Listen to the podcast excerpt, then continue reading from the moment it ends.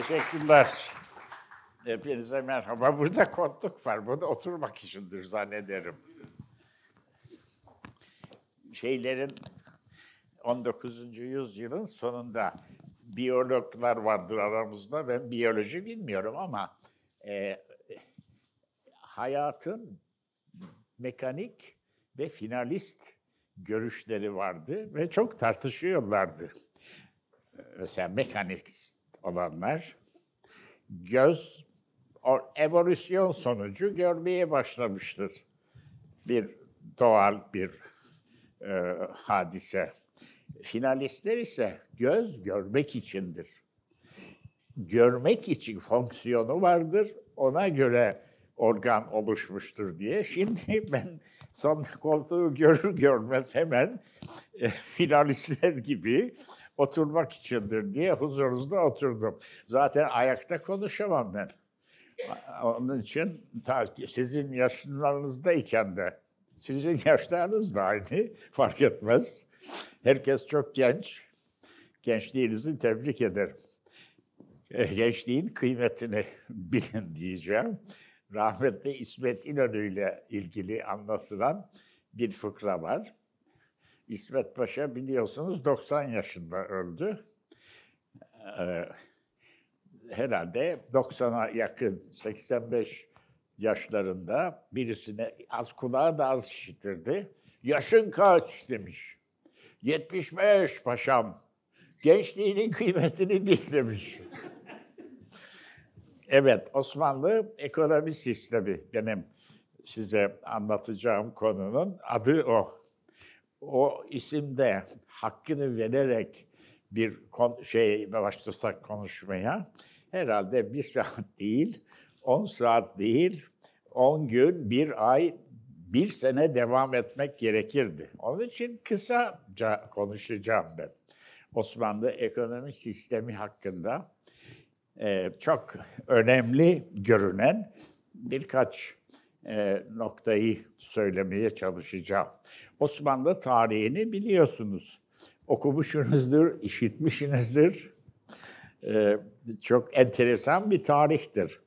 E, hiçbir yere, hiç kimseye, hiçbir tarafı benzemeyen bir tarih değil tabii ki. Başka tarihler de e, az çok paylaşırlar ama Osmanlı sisteminin bütünüyle e, özellikleri vardır.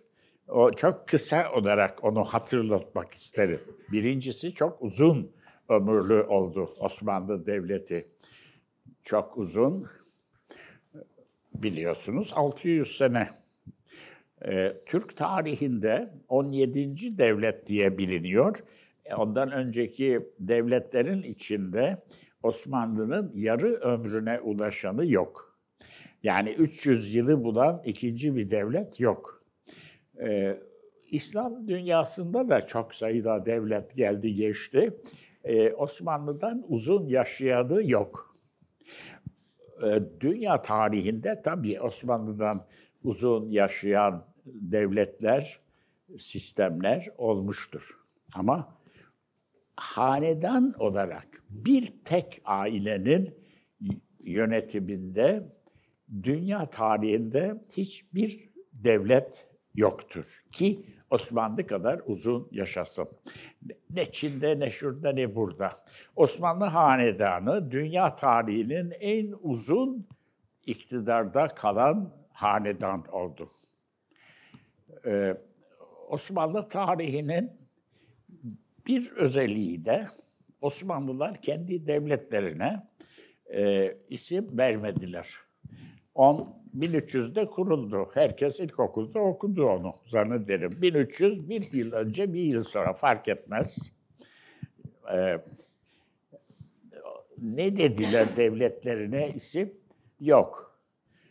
14. 15. yüzyılda Osmanlıların kendilerine verdikleri bir isim yok. 1500'e doğru yani yani e, ikinci Bayezid, Yavuz, hatta Kanuni. O yıllarda kendilerine Devleti Aliye'yi ebed müddet adını verdikleri anlaşılıyor. Bu devlet ebedi yaşayacak bir devlet dediler. Ondan evvel demediler. Dediklerine dair hiçbir iz yok. Niye yok? E, çünkü ebedi yaşayacağına dair inançları tam olarak yerleşmemişti. O 200 sene inşa ettiler ve o inşaatın sonunda dediler ki bu bina ebediyete kadar kalabilir. O neye göre karar verdiler? Onu bilmiyoruz ama şeylere baktığımız zaman e, kurumlarına tahmin edebiliyoruz. O sistem biliyorsunuz yine ilkokulda okudunuz 1300'den 1682'ye kadar 380 sene aşağı yukarı ciddi bir yenilgiye uğramadan sürekli genişledi. Timur'un Ankara Savaşı gibi istisna dışında, o da çok önemlidir Timur'un savaşı, bütünüyle sistemi yok etti.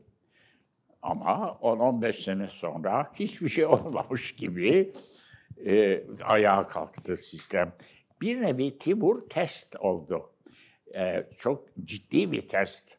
Bu sistem çok ciddi bir sistemdir.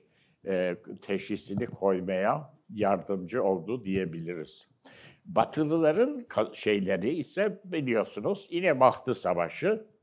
Yine Bahtı'da 1571 sonbaharında Osmanlı donanmasını yok ettiler. Batılılar bunu çok önemsediler ve bugün 2017 hala kutluyorlar. Yine Bahtı'yı. Ee, ama ondan sonra da, ondan önce de Osmanlı orduları hep başarılı oldular. Ve şeye karşı, yani Hristiyan Avrupa'ya karşı, bütünüyle Avrupa'ya karşı adeta mücadelede bu başarıları kazandılar. Bu son derece enteresan bir şeydir, başarıdır. Bu ben Osmanlı tarihinin birkaç önemli problematikten, bilmecesinden biri olarak bir siyasi sistem e, nasıl oluyor da çok daha geniş imkanları olan bir kıtaya karşı 400 sene sürekli başarılarla gelişiyor, genişliyor. Bu son derece zor bir konudur. Bunun tabii Osmanlı askerleri çok iyi yetişiyordu, çok e, şeydiler, motivasyonları yüksekti. Çok iyi komutanlar, bütün bunlar var. Ama Osmanlıların kurdukları siyasi, sosyal ve iktisadi sistemin o orduları da besleyen yapının çok önemli bir rolü olduğunu peşinen söyleyebiliriz. O sistemin ne gibi özellikleri vardı? Ben size biraz ondan bahsedeceğim. Tabii burada bir, bir de sonra belki başka bir konferansta söylememiz gereken bir şey var. 1682'de Merzifonlu 83'te bir sene sonra Viyana'ya sefer yaptı. Bunu herkes biliyor. İlkokulda okudunuz, ortaokulda, lisede. Şimdi ben de söylüyorum beş kere. Ee, şeye kadar Viyana'ya gittiler. Viyana bütün Batı'yı alevlendirdi. Ee, Osmanlılar Viyana'yı fethederse bu Batı medeniyetinin çok önemli bir kaybı olur diye Avrupalılar aşağı yukarı biliyorsunuz buna mukaddes ittifak dediler. Heilige Lig, büyük kutsal ittifak. Birinci Dünya Harbi'den önceki Avrupa Harbi bu. Avrupalılar onun dışında bildiğim kadarıyla hiçbir şeyde birleşmediler. Osmanlıları oradan kovmak için Avusturya, onun yanında Polonya, İtalya ve Rusya, bütün batıdaki yaydaki devletlerin hepsi katıldılar. Sonra e, Osmanlıların dost dedikleri Batı Avrupa'da iyi ilişkileri olan ülkeler de resmen değil ama gayri resmi olarak bütün imkanlarıyla Osmanlıların Viyana'dan kovulması için destek sağladılar. Para yardım yaptılar, gönüllü. Mesela çok dostumuz Fransa, ittifak yaptığımız söylenen, e, hiç aramızda da problem olmamış olan bir devlet. E, Viyana kuşatmasından esir alınan 10 bin kadar esirin e, Fransız olduğunu ve onları e, kendisine verirse çok memnun olacağını söyledi Fransız elçisi. E, Osmanlı ve sadrazamı peki dedi onlar madem sizin askerlerinizdir onları verelim. E, gönüllü gönüllü nasıl olur? 10 bin kişi. İkinci Dünya Harbi'nden önce İspanya İç Savaşı'nda Şimdi hatırlayanınız tabii ben de hatırlamıyorum. O kadar ben de eski değilim. Ama sonra okuduk. İspanya İç Savaşı bir nevi İkinci Dünya Harbi'nin provası. Demokrasiler, komünist demokrasiler, ne kadar demokrasiyse ve ötekiler orada bir düello yaptılar. O düelloda mesela e, Almanların, Hitler'in gönüllü filoları vardı. Gönüllü hava filosu olabilir mi? Oluyor. Gönüllü donanması vardı faşist İtalya'nın. Amerika'dan gelen gönüllüler, onlar çarpıştılar. Viyana, ikinci Viyana bir nevi böyle oldu. Ee, ama sadrazam ona bir şey demedi. Sizin askeriniz niye orada, biz dost değil miyiz demedi. Deseydi ne olurdu? Fransa'da fiilen e, ittifaka dahil olurdu. O da o kadar hoş bir şey değildi. Ama e, şey olarak fiilen Avrupa İttifakı ile savaştılar. 16 sene mücadele ettiler. 14-15 ve sonunda herkes biliyor ki epey yerler, topraklar kaybedildi. Ondan sonra Avrupalılar Osmanlıların yenilebileceğini düşürmeye başladı. Şimdi size bu tuhaf gelir. Bunu okumamışsınız herhalde ilkokulda. Ama o zamana kadar Osmanlıların yenilmez olduğu fikri vardı şeyde, e, bütün Avrupa'da. Bunu mesela çok net olarak söylüyor e, meşhur Marsigli. Türkiye'ye geldi gitti e, ve uzun bir kitap yazdı askeri vaziyeti Türklerin diye. O Marsigli diyor ki ben gençliğimde tarih kitapları okudum. Yani gençliği dediği 1660, 70, 80 yılları. Türkler yenilmez, yenilmez. Bu böyle bir şey var. Nasıl şey? Bu Türkler adam değil mi? İnsan değil mi? Bunların e, da insan olarak kusurları olmalı. Ben onu görmek için diye geliyor, yıllarca kalıyor Türkiye'de. Yani ondan sonra Avrupalılar Osmanlı'nın yenilebileceğini kabul ettiler ama sonra tarihçiler bilir, savaşlar ileri geri Osmanlı bir hayli düzeltti meseleyi.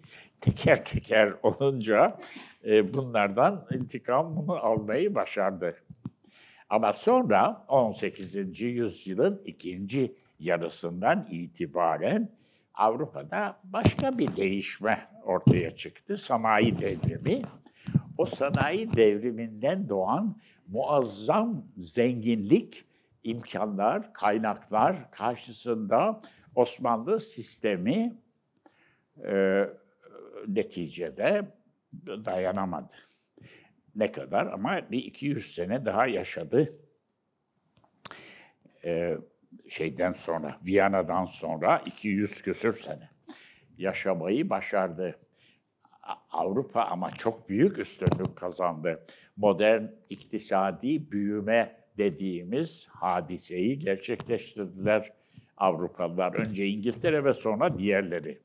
Yani 1750'den önce bir emeğin, bir işçinin günde yapabil, yaratabileceği değerlerin, mal ve hizmetin 5-10 mislini yapabilir hale geldi Avrupa. bununla Osmanlıların mücadelesi 150-200 e, seneden fazla e, süremezdi. Osmanlılar da benimseyebilirlerdi. İngiltere'de başlayan sanayi devrimi dalga dalga bütün Avrupa'ya, dünyaya yayıldı. Amerika'ya gitti. Sonra 19. yüzyılda Japonya'ya. Osmanlılar da bunu benimseyebilirlerdi. Benimseselerdi Japonlar gibi pekala direnebilirlerdi. Ee, Amerikalılar gibi bir süper güç olabilirlerdi. Ama benimsemediler Osmanlılar. Kapitalist büyümeyi seçmediler. Buna rağmen direnmeyi başardılar. 200 sene hemen teslim olmadılar. Bu Osmanlı sisteminin bir takım önemli özellikleri olduğunu gösteriyor. 400 sene başarı, ondan sonra da 200 sene kendi sisteminin özelliklerinde inat edip bir 200 sene daha direnmeyi başardılar. Bunlar benim Osmanlı tarihinin önemli problematikleri, bilmeceleri, bunlara Osmanlı tarihiyle uğraşan sosyal bilimcilerin, tarihçilerin, sosyologların, ekonomistlerin, e, sosyal psikolog, antropolog, aklınıza ne gelirse hatta mühendislerin önemli problematiği diye ifade ediyor ettim. Şimdi bugün size bunun birkaç şeyini, birkaç nokta. E, bu uzun başarıyı nasıl sağladılar?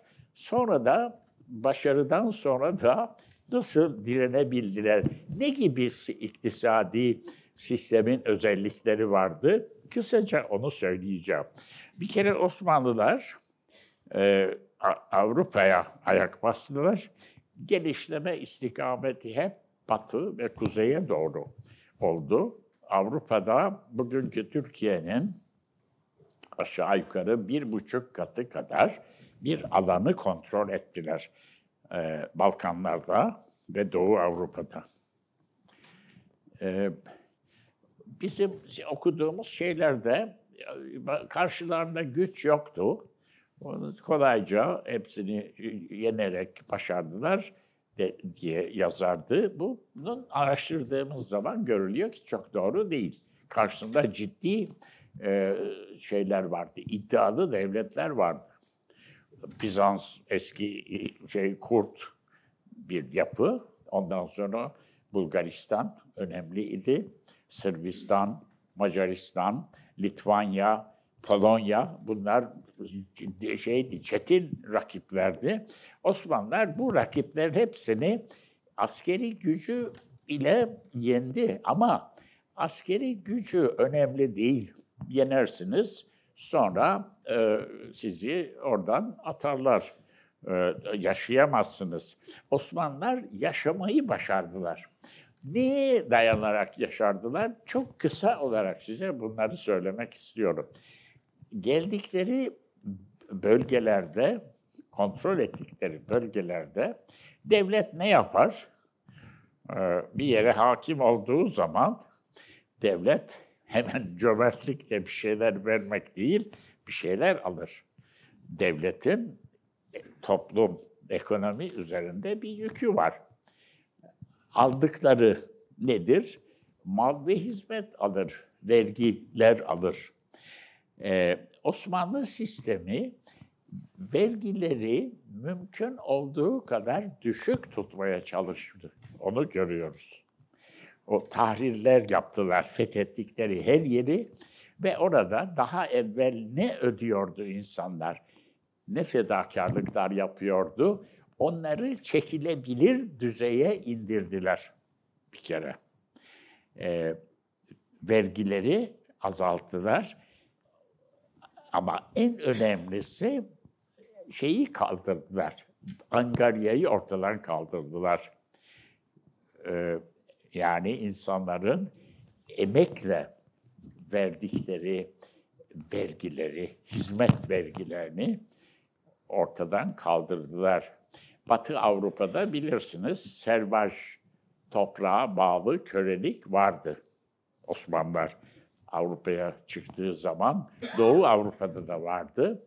Feodal düzende yarı köle, toprağa bağlı köle Balkan sisteminde de geçerliydi. Osmanlı sistemi e, reayayı hür kıldı. Osmanlı reayası serf değildir. Hür köylüdür. Osmanlılar onu getirdiler.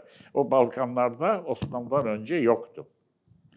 Bunu görebilen bir, ilk görebilenlerden biri meşhur Fransız tarihçisi Fra Fernand Brodel. Türkler Avrupa'ya, Rumeli'ye sosyal devrim getirdiler. Toprağa bağlı köleleri hür köylü ilan ettiler. Bu bir devrim hakikaten. Osmanlılar bunu yaptılar. Vergileri azalttılar, insanları hür kıldılar. Ondan sonra karşılığında ne yaptılar? Bir kere güvenlik sağladılar. Özgürlük verdiler. Özgürlük de bugünkü gibi şey e, çok çok partili demokrasilerin özgürlüğü diye düşünmeyin. E, dini özgürlük verdiler. E, hangi din, bili, bunu biliyorsunuz her yerde devamlı okunuyor, biliniyor. Ama bu o zaman hakikaten önemli bir şeydi. İnsanların kendi inançlarını istedikleri gibi yaşamalarına izin vermeleri önemliydi Osmanlıların. Ondan sonra bir şey daha yaptılar. Herkese yaşayabileceği refahı sağlamaya çalıştılar. Refah biraz komik gelebilir. Ekonomist varsa aramızda e, sanayi devriminden önce genel refahtan bahsetmek e, biraz şey olabilir, anakronik olabilir. Çünkü sanayi devriminden önce insanların emekleri bütün gün çalışarak ancak kıt kanaat yaşayabilirlerdi. Ee, onun için açlıkla e, şey arasında, tokluk arasında yahut yaşama ile ölüm arasında çizgide yaşamaya çalışırlardı. Orada refahtan bahsetmek bugün için biraz e, sıkıntılı olabilir. Ama Osmanlıların hedefi herkesin yaşamasını sağlayacak bir sistem kurmak idi. Onu onu anlıyoruz. Bunu nasıl yaptılar? Bu sanayi öncesi ekonomide bu çok zor olan imkansızı başarmaya çalıştılar. Eşitlik ilkesini benimsediler. Eşitlik. İnsanların insanların e, bütün insanların e, tabii reaya dediğimiz idare edilenlerin aslında Osmanlı sistemini bilirsiniz. İdare edenler askeri dedikleri zümre bir de idare edilenler reaya halk. İki kaba tasnif içinde düşünmemiz lazım. Ee, halkın içinde reaya içinde çok çeşitli gruplar var. Bu grupların e, hepsinin tam olarak eşitliği elbette ki söz konusu değil. Çeşitli grupların arasında çok büyük farklılaşmaların olmaması. İkincisi grup içinde. O grup nedir? Köylüler mesela. Köylüler, şehirlerde esnaflar, ticaret yapan tüccarlar, o grupların içinde eşitlik, gruplar arası da çok büyük farklılaşmaların olmaması. Eşitliği önemli bir prensip olarak benimsediler Osmanlılar. Bunu da okuduğunuz şeyde e, ilkokuldan hatırlatayım ben size. Miri toprak rejimi ne benimsediklerini biliyoruz. O ne demek o? Toprağın mülkiyetini e, üretici köylülere bırakmayan, onları devletin mülkiyetinde tutan sistem, Osmanlı sistemi. Devlet onları elinde tuttu ama e, mesela kolektivist, sosyalist, komünist rejimlerdeki gibi e, kendisi memurları, işçileri kiralayarak işletmedi. Köylülere işleyebileceği büyüklükte birimler olarak tevzi etti. Onlara kendi özel mülkleri imiş gibi e, çalışmalarına imkan verecek şekilde bir düzen meydana getirdi Osmanlılar en önemli kısmı. Köylülerin çok büyük toprakları olmasını istemediler. Topraksız da olsun istemediler. Yaşayabileceği, aile üyeleriyle işleyebileceği kadar toprak. Şimdi bunun ayrıntılarına girmeye şey yok. Eşitlik esas. Şehir şeylerinde de, e, esnaflarında da aynı modelde birbirine yakın büyüklükte iş yerlerinden oluşan e, bir sistem kurdular. Şehir esnaflarında, ticaretle uğraşanların da aşağı yukarı birbirine yakın büyüklükte iş yerlerine sahip olmasını sağladılar. Ee, Osmanlı iktisadi sisteminin esası bu. Ee, Osmanlı'nın rakibi olan Batı Avrupa'da ise e, tamamen tersi. Eşitsizliğe dayanan bir sistemdi kapitalizm. Eşitsizliğe. Ee, Osmanlıların da eşitsizliği bir ölçüde uyguladıkları bir alanı vardı. Ama o bürokratik, askeri sistemle ilgiliydi. Ee, iki, iki grup, reaya, halk ve askeri zümre. iki ayrı grup. Bu iki ayrı grubun örgütlenmesinde reaya için eşitlikçi yapı esastı. Askeri zümre için ise eşitlikçi bir yapı söz konusu tam değildi. Şöyle idi. Ee, askeri zümreyi oluşturacak olan insanlar nüfusun içinde en yetenekli olanları e, toplayıp sıkı eğitimle yükseltmeye dayanan bir meritokratik, liyakate dayanan bir sistemdi. Orada her kademede kiler eşitti. Ama farklı kademelere geçtikçe eşitlik sistemin mantığı gereği bozuluyordu. Bozulması gerekiyordu. En tepeye çıkan adam, en yetenekli, en başarılı, en çalışkan ona en çok kaynak veriliyordu. En çok yetki veriliyordu ve en çok sorumluluk da veriliyordu. Askeri sistem piramidal bir yapı içinde idi. Halk ise daha eşitlikçi, horizontal bir yapı içinde idi. askeri ile halk arasında fark e, çok fazla değildi. Askeri zümrenin alt kademesiyle halkın orta üst tabakası arasında çok büyük bir fark yoktu. Ve birbirlerine en önemlisi geçiş vardı.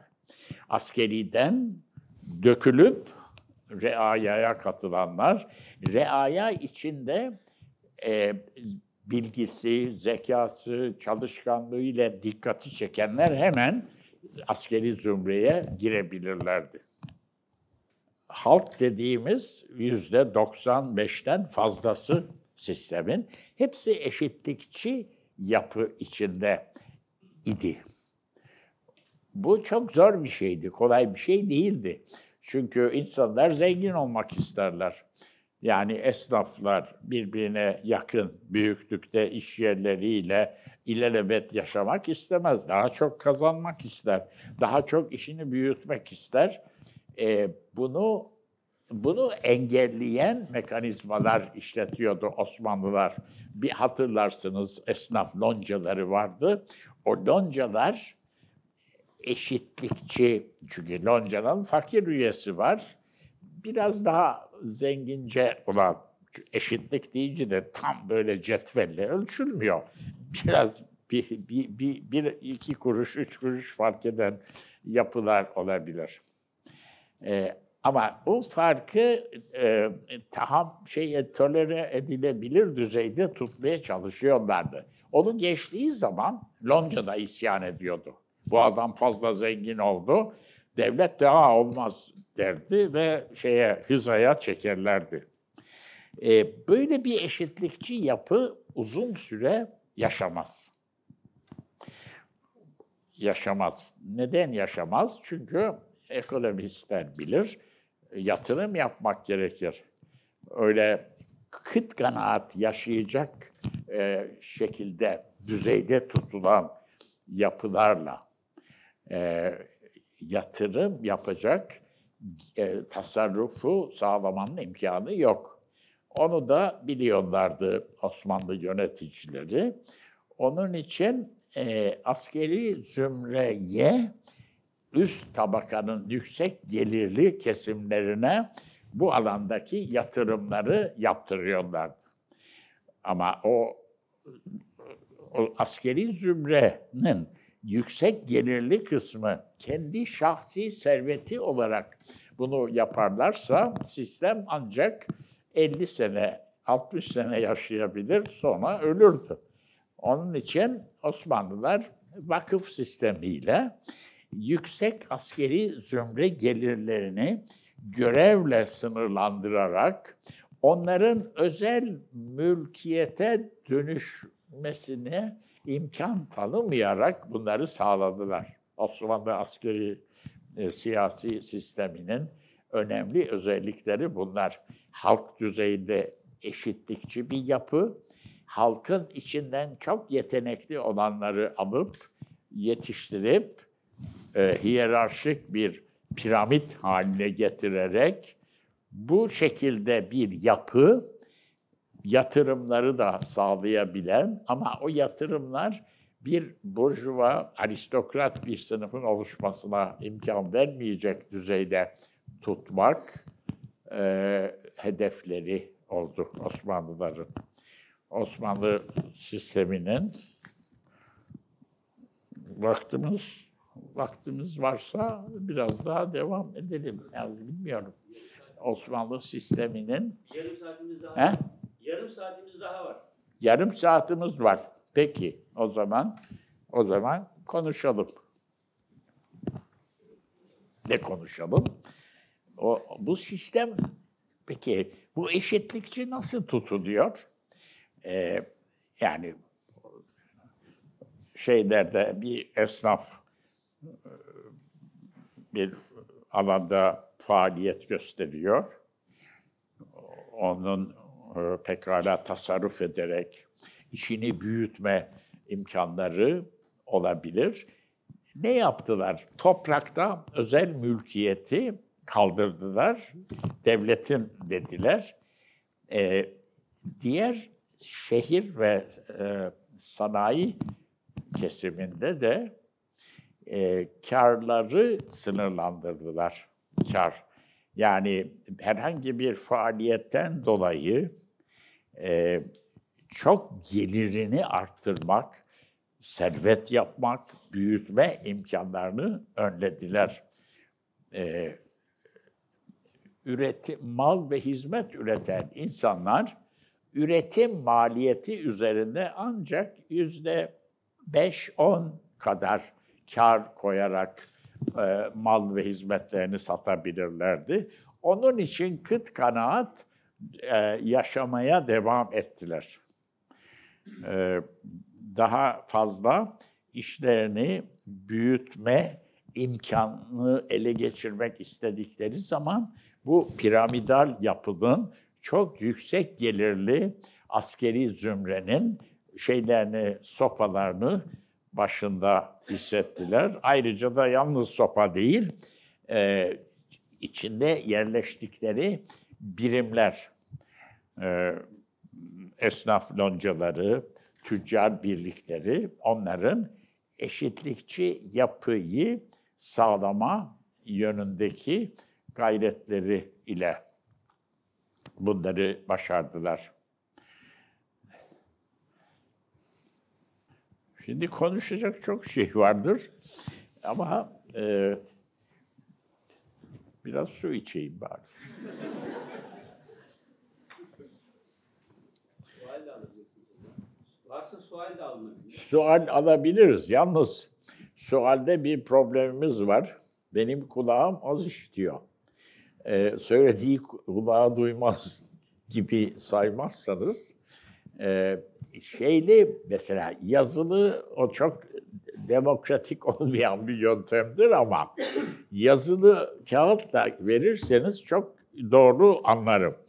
Ee, kulağım ağır işittiği için mesela şuraya kadar gelip biraz yüksek sesle meramını an, o da çok zordur. Soru sormaktan zaten biz Türkler pek hoşlanmayız. Onu külfet sayarız. Evet, soru sorular olursa daha iyi olur zannederim. Hocam teşekkür ediyoruz öncelikle. Biraz şöyle gel. Tabii. Evet. Teşekkür ediyoruz hocam. Sağ olun. Ben Osmanlı adalet sisteminin Dur bozulması bakalım, Şey, onu bırak da söyle. Ha. Barımın arkası duymaz hocam. Onlara sonra söylersin. Sen bana söyle önce. Açı aramızda anlaşalım. Hocam ben Osmanlı adalet sisteminin bozulmasında, Osmanlı adalet sisteminin bozulmasında ekonomik çöküşün e, nedenle önemli olduğunu merak ediyorum. Ekonomik sistemin çökülmesi, çökmesiyle ilgili yani adalet sisteminin etkisi ne oldu? Peki, güzel. Duymuşlardır zaten. Evet, Osmanlı adalet sistemi bozuldu diyor var, varsayım bu. Ondan sonra ekonomi de bozuldu diyor ikinci varsayım. Bu ikisi arasında bir korelasyon var. Bu da üçüncü varsayım. Bunların bunların şeyi nedir? Ee, bağlantı var mı diye soruyor. Osmanlı adaleti meşhurdur, evet. Ee, Osmanlı kadıları bilirsiniz bugünkü şeyle hiç benzeşmeyen bir celsede hallederlerdi. Avukat şeyi de yoktu.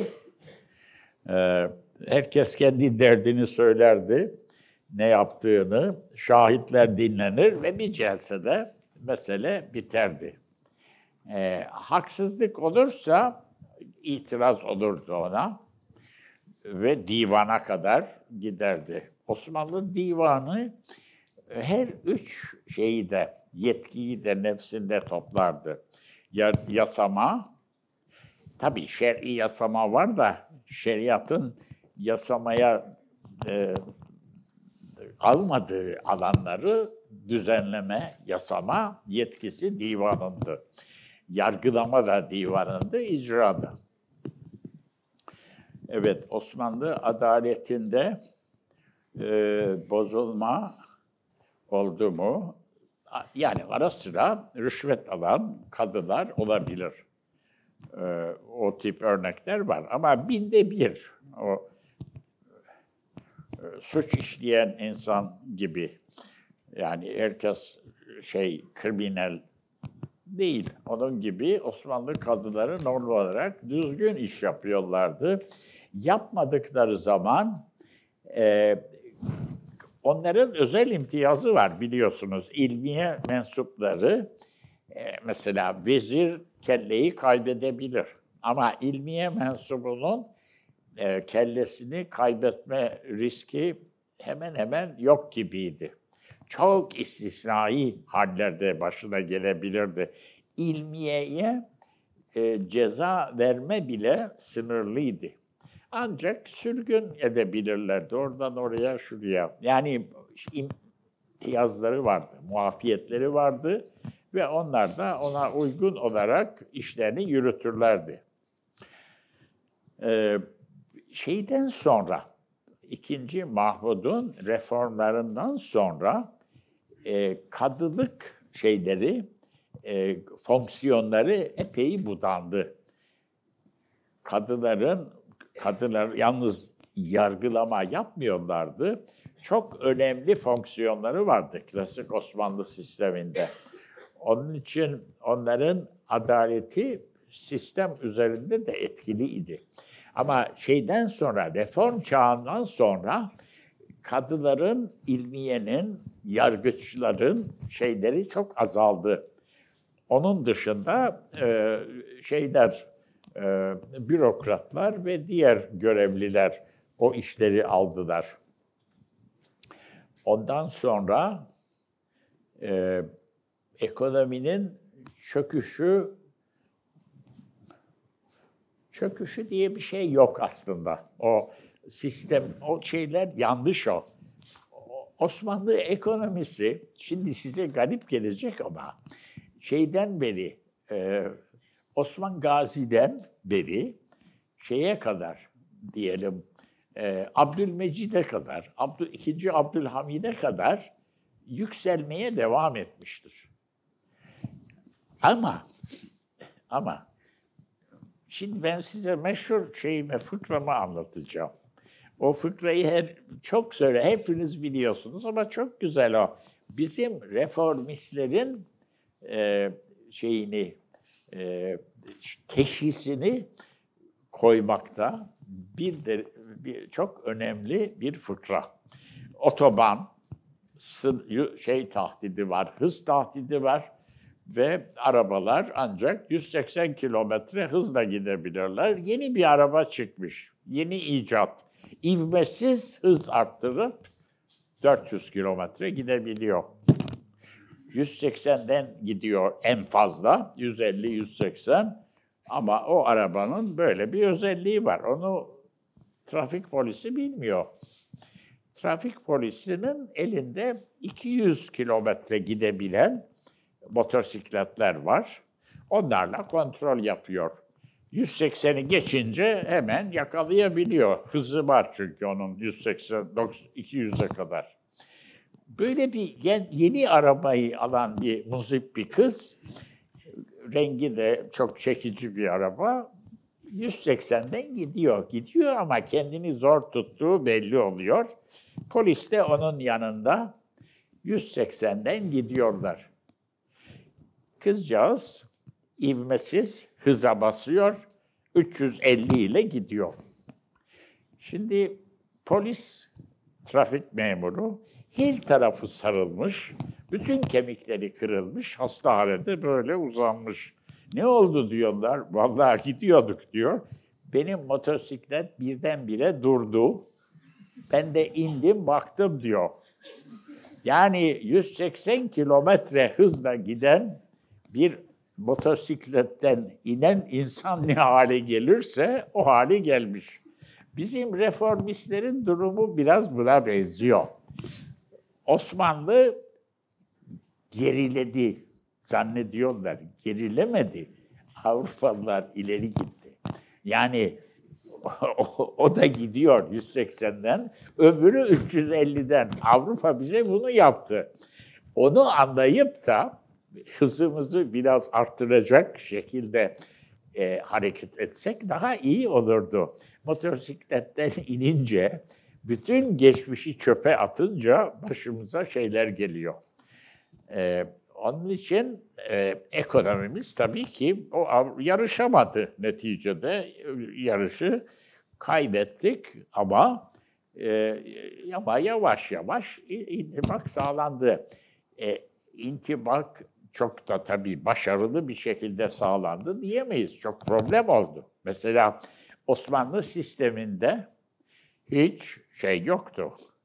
E, açlıktan ölen kimse yoktu dilenen kimse yoktu ama e, ve Avrupa ile ilişkilerimiz yoğunlaştı.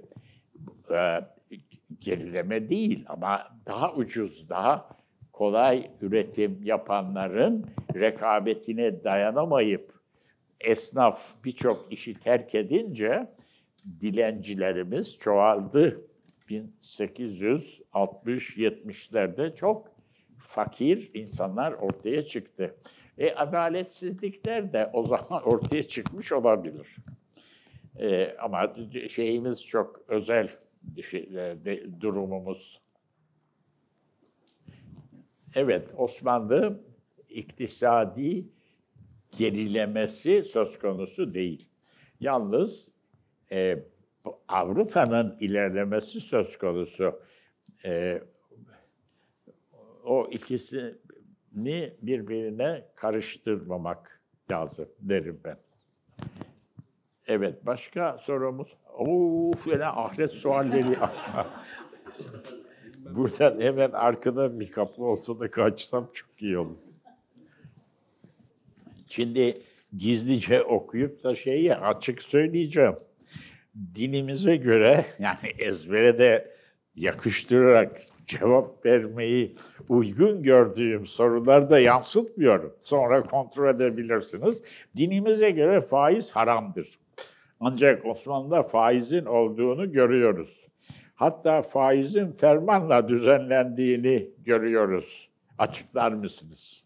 Tabii. Faiz bugün de var, değil mi? Bugün de e, yani en azından e, dinimize çok saygılı olan bir siyasi parti iktidarda olduğu halde faizi e, yani kaldırabilsek iyidir diyorlardır ama kalkmıyor. Ee, Osmanlıların da başına geldi bu. Yani on şimdi e, Hazreti Peygamber'in yaşadığı 8.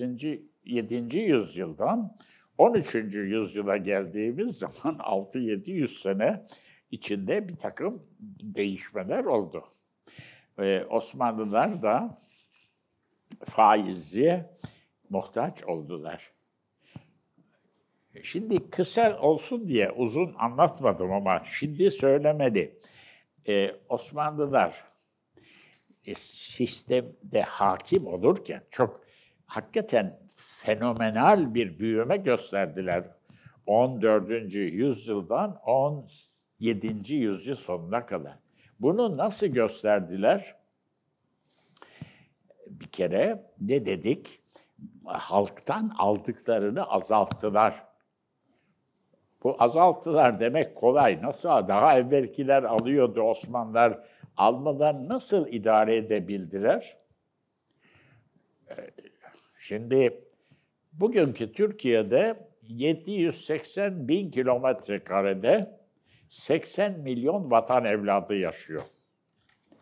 E, bu 15. yüzyılda e, ne kadar bilmiyoruz. E, demografi tarihi yapanlara her zaman söylüyoruz, davet ediyoruz, kimse icabet etmiyor. Nüfus saymak çok zor geliyor. 7-8 milyondu. Yani bugünkünün onda biri kadardı ancak. Onda biri kadar. Peki geliri neydi bu insanların? Bugünkü gelirimiz ne kadar? 10 bin dolar per, per capita. Aile 40 bin dolar. Ee, o zaman bunun onda biri bile değildi. Şimdi onda bir insan, onun da geliri onda bir. Ne oldu? Yüzde bir. Yani 800 milyar dolar mıdır? Bizim gelir, milli gelir 8 milyar dolara indi hemen. Ama çok dağınık bir nüfus, geliri az.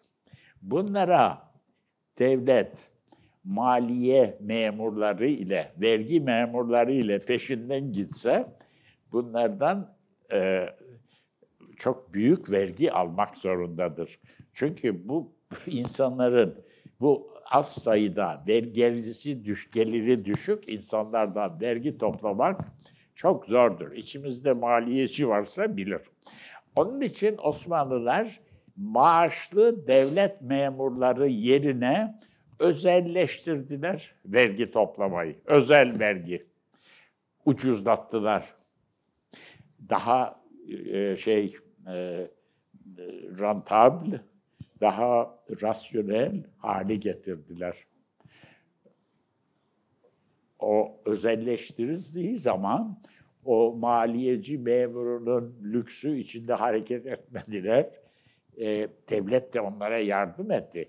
Bir bölgedeki bütün vergileri bir araya getirdi. E, ve bir sürü şeylerle bu insanların özel sektör olarak faaliyet göstermelerine imkan verdi. özel sektör nasıl yapacak? Vergiyi toplayacak. Sermaye lazım. Sermaye. Sermaye faizle olur. Faizsiz olmaz. Faiz yasak. Ne yapacak? Şimdi Osmanlıların çok ne dedik?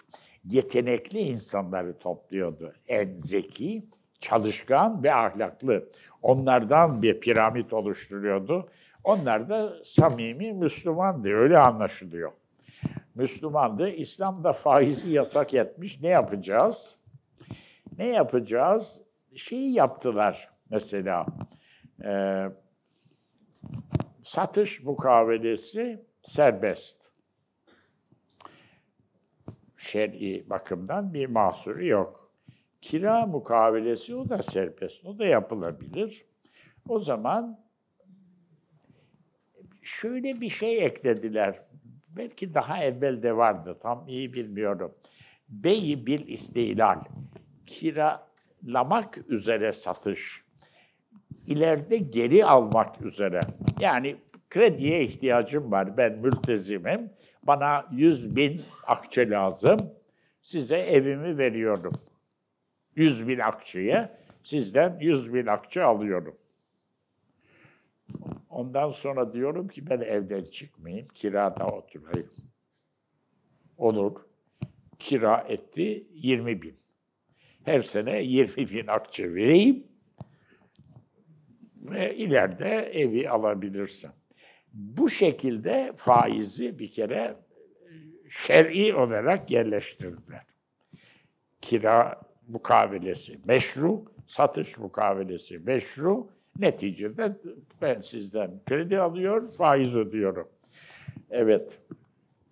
Sonra daha yaygınlaştırdılar tabii. Muamele-i şer'iye bilenler bilir. Hile-i şer'iye e, gibi şekilde para vakıflarını icat ettiler. E, bunlarla e, faizi meşrulaştırmadılar. Faiz mecburiyetini bir şekilde çözmeyi sağladılar. Yoksa Osmanlı kadıları asla faizle bu ameleye izin vermezlerdi. Çok örnekleri var. Bu şeriye sicilleri şimdi yayınlanıyor. Herkes okuyabilir yeni harflerle. Ee, şeyler e, kadıya gidiyor mesela. 100 diyelim, 100 lira borç aldı veya 100 lira çok küçük sayıyorsanız 1000 lira diyelim. 1000 lira borç aldı, yüzde ondan borç aldı. Her sene 100 lira veriyor. 10 sene ödedi. Sonra parayı veren adam dedi ki 10 senedir faizi verdin, şimdi ana parayı da ver. Artık ver parayı. Bin lirayı ver. O da dedi ki ne bin lirası ya ben sana işte taksit taksit ödedim. Ya olur mu biz buna anlaşmıştık. Kadıya gider o adaletiyle Osmanlı kadısı bakar. Sen de diğer bin lira verdin. Bu adam da sana 10 sene 150 liradan ödemiş. Daha ne istiyorsun güle güle diye kararlar veriyorlardı. Buna ait çok örnek vardır. Ama e, faizin kaçınılmaz olduğu durumlarda bu iltizam sektöründe e, faiz haddi epey de yüksekti. Çok az değildi. Onlar hiçbir zaman kadı şeyine gelmedi. Mültezim ile ona borç veren sarraf arasında ihtilaf olduğu zaman kadıya asla gitmediler. Gitseler perişan olurlardı. Özel şekilde yargılandılar. Demek ki Osmanlılar İslam samimi Müslüman kaldılar ve ama hayatı da zehir etmeden çünkü o vergileri devlet toplasaydı yapmasına imkan yoktu. O kadar düşük vergi alamazdı vergiyi çok arttırmaz. En azından şimdi e, Maliye Bakanlıklarının bütçesine bakın. Bütçe içinde çok önemli bir kesimdir. Bu insanlardan vergi toplamak kolay bir şey değil. Bir fıkra da anlatılır. İri yarı iki insan yemek yiyorlar. Bir zayıf bir adam geliyor. Onların yanına oturuyor. Başka yer yok. Bu iri yarı adamlar limonu sıkmışlar ve çorbalarını içiyorlar. O yeni gelen de çorba istiyor. O sıkılmış limonu alıyor. Şöyle bir tutuyor şar diye şey yakıyor su. Adamlar bakıyorsun diyorlar biz bunu sıkmıştık. Ben tahsildarım efendim diyor. Yani tahsildarın işi zordur. Evet bu tamam şimdi. Kapitalist sistemin benimsenmemesinin sebeplerinden biri olarak Osmanlı hanedanın olası bir burjuva sistemini kendine büyük bir tehlike olarak görmesi gösterilebilir mi?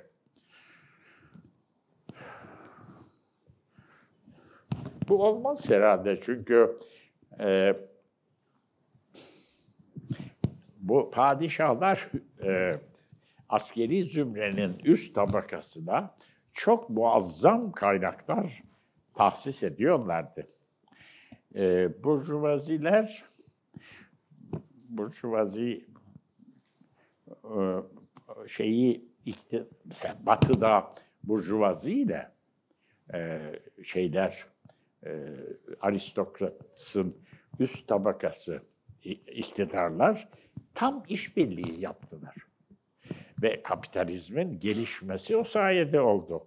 Siyasi sistem onları destekledi. Onlar da sistemi desteklediler. Yani e, hanedan e, bu burjuvaları desteklese idi e, çok daha sağlam olabilirdi. Burjuvazi uzun vadede ne yapacak? E, onu kestirmek imkanı pek yok.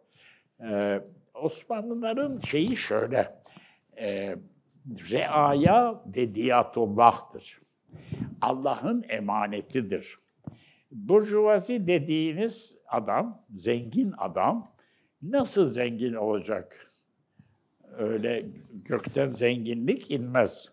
Zenginliğin öbür yüzü başkalarının fakir olmasıdır. Marx'tan en azından bunu öğrenmiş bulunuyoruz. Yani birileri fakirleşmeden durduğu yerde zengin olmanın imkanı yok. Osmanlılar onun için e, zenginleşmeyi önlemeye çalıştılar.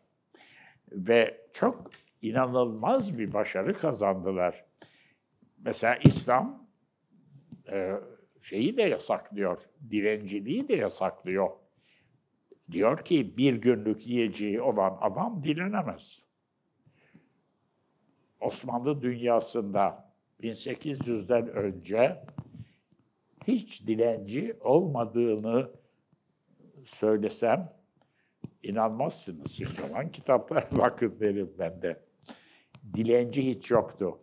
E, gayrimüslimler arasında ara sıra dilenen olabiliyordu. Çünkü onların dinine göre dilenmek yasak değil. Müslüman dilenemezdi asla.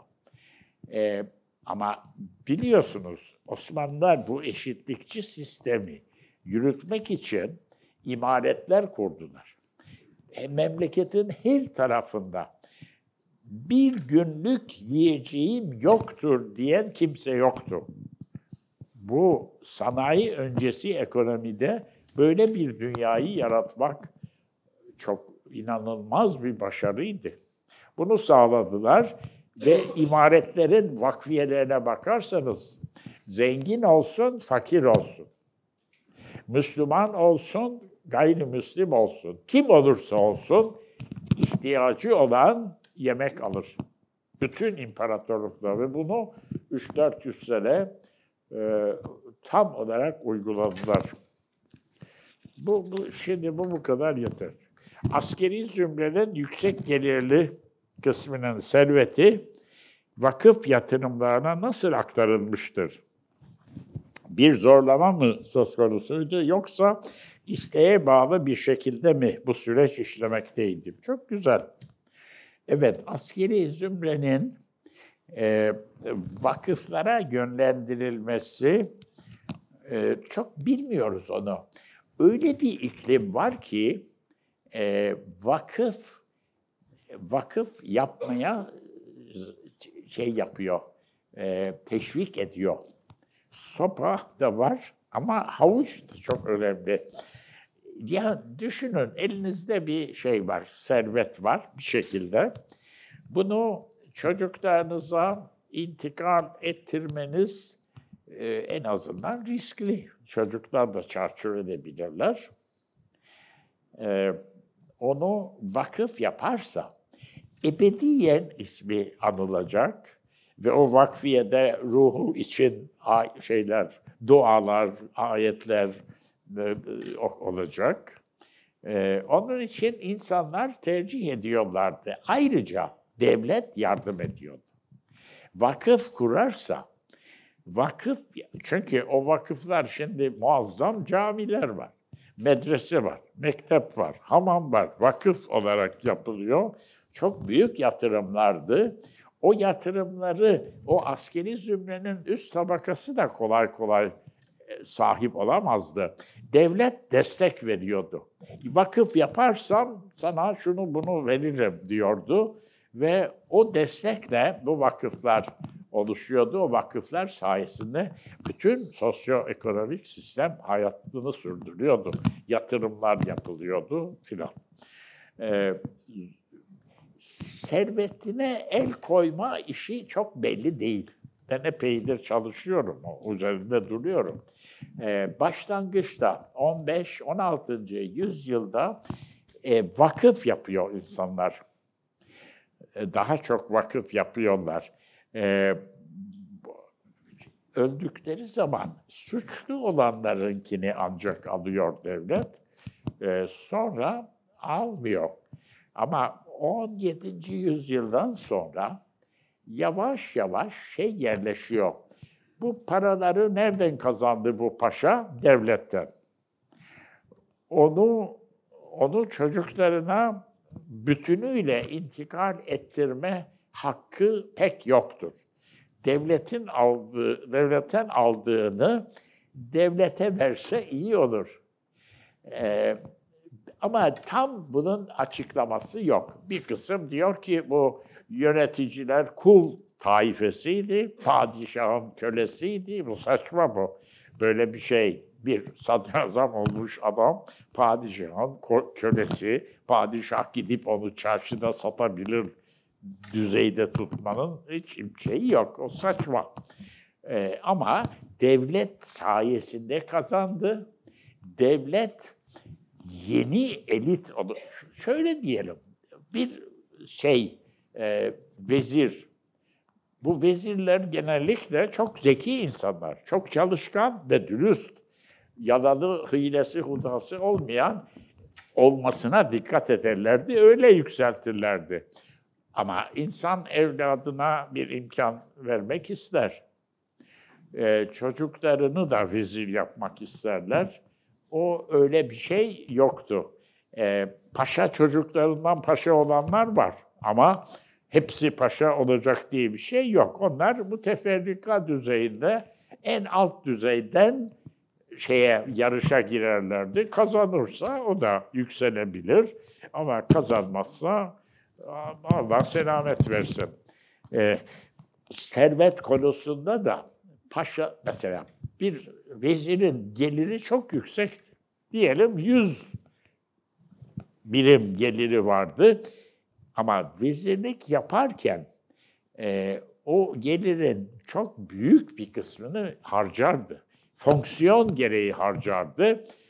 E, kendisi belki onun yüzde yirmi, otuzunu isterse tasarruf edebilirdi veya kendisine harcardı. Ama işten ayrıldıktan sonra geliri çok düşerdi.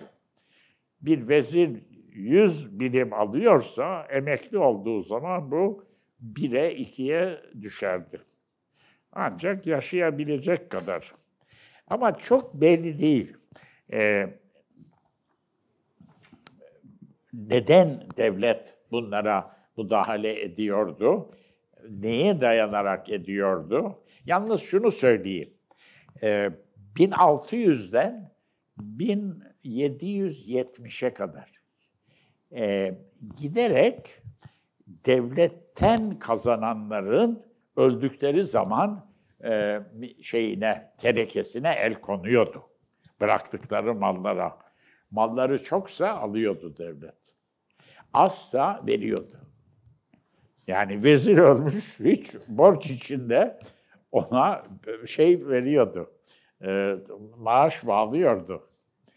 E, ama çoksa o zaman muazzam bir miras vergisi gibi alıyordu. Yalnız bir tek şey, onu kısaca söyleyeyim. 1774'te Kaynarca Barışı imzalandı Rusya ile Kırım'ı kaybeden e, bir şeydi, anlaşma idi. O ilk ciddi yenilgi idi. O savaş çok zor oldu ve o savaşın içinde devlet özel insanların terekelerine de el koymaya başladı. Ama bu bir hukuk devleti idi. Osmanlı Devleti hukuka dayanan bir devletti. Ezbere bir devlet değildi. El koydu, özel şahısların yok devlet gibi bir bahanesi de yoktu. Onlardan padişaha savaş için hibe ettim. Veya savaş için borç verdim gibi senetlerle para alıyorlardı. Savaş sonrasında eğer borç verdiyse geri veriliyordu. Hibe ettim padişaha, devlete, beytülmale diye verilmişse şeyi, e, belgeyi onlara bir şey söz konusu değildi. Bu müdahaleler ondan sonraki yenilgi savaşlarında devam etti.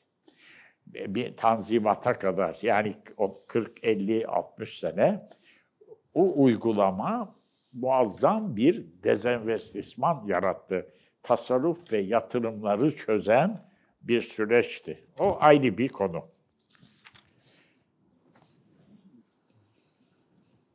Osmanlı Devleti ele geçirdiği sahillerdeki limanları kullanmaya devam ettiler mi? Tabii ki. Bunlara ilave olarak yeni limanları hangi teknolojiyle kurdular? Ee, teknoloji tarihi yapanımız çok az. Onun için e, bilinen, e, alışılmış usullerle limanlar açıyorlardı. Fakat limanlarda bir problem vardı. Denizin sahilinde, kumsalda o zamanın öyle büyük 10 e, bin, 100 bin tonluk gemiler yok. Küçük kayıklar her yere yanaşabilir, her yerden indirip bindirebilir. Onun için e, belli yerlerde liman olmasına çalışırlardı, yasaklarlardı çünkü içeride gümrük alırlardı.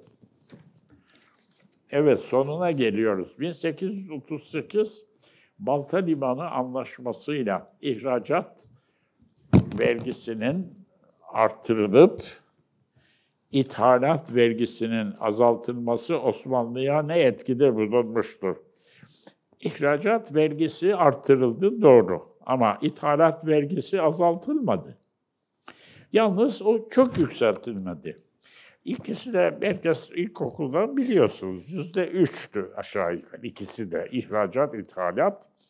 Bu Balta Limanı'nda ihracatı yüzde üçten otuza çıkardılar Osmanlılar.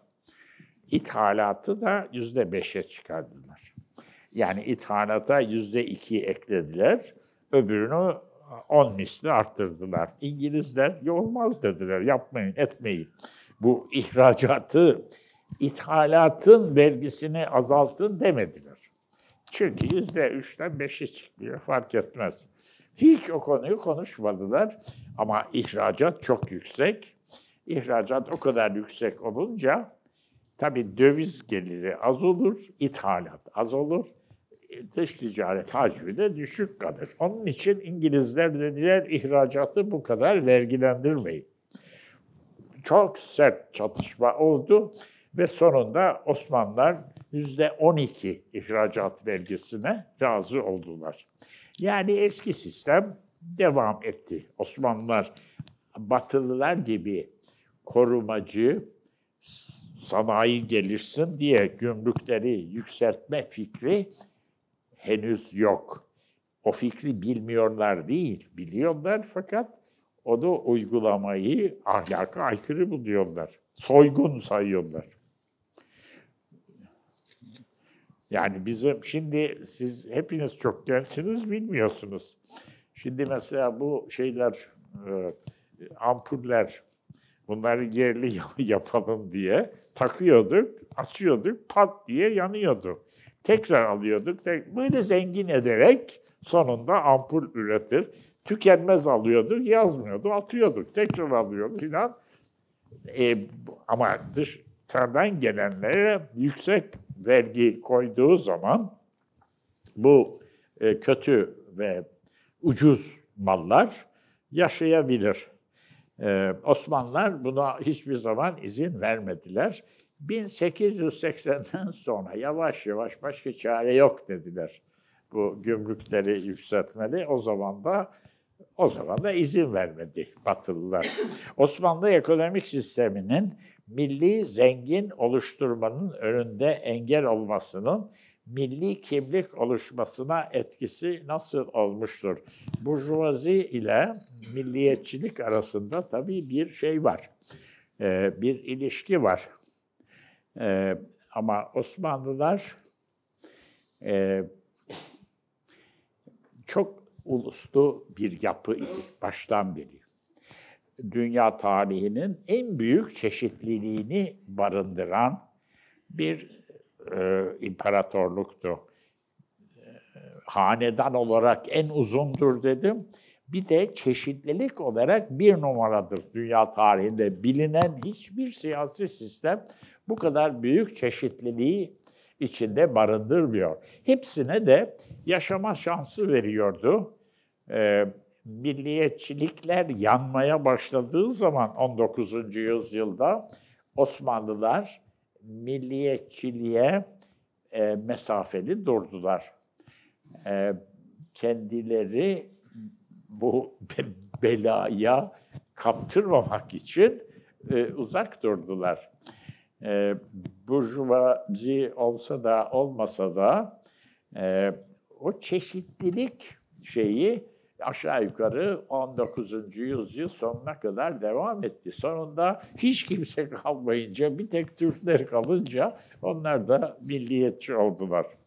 Burjuvazi olmadığı halde olabildiler. Evet, çok teşekkür. Başka soru yoktur zannederim ve zaten de tamam, teşekkürler.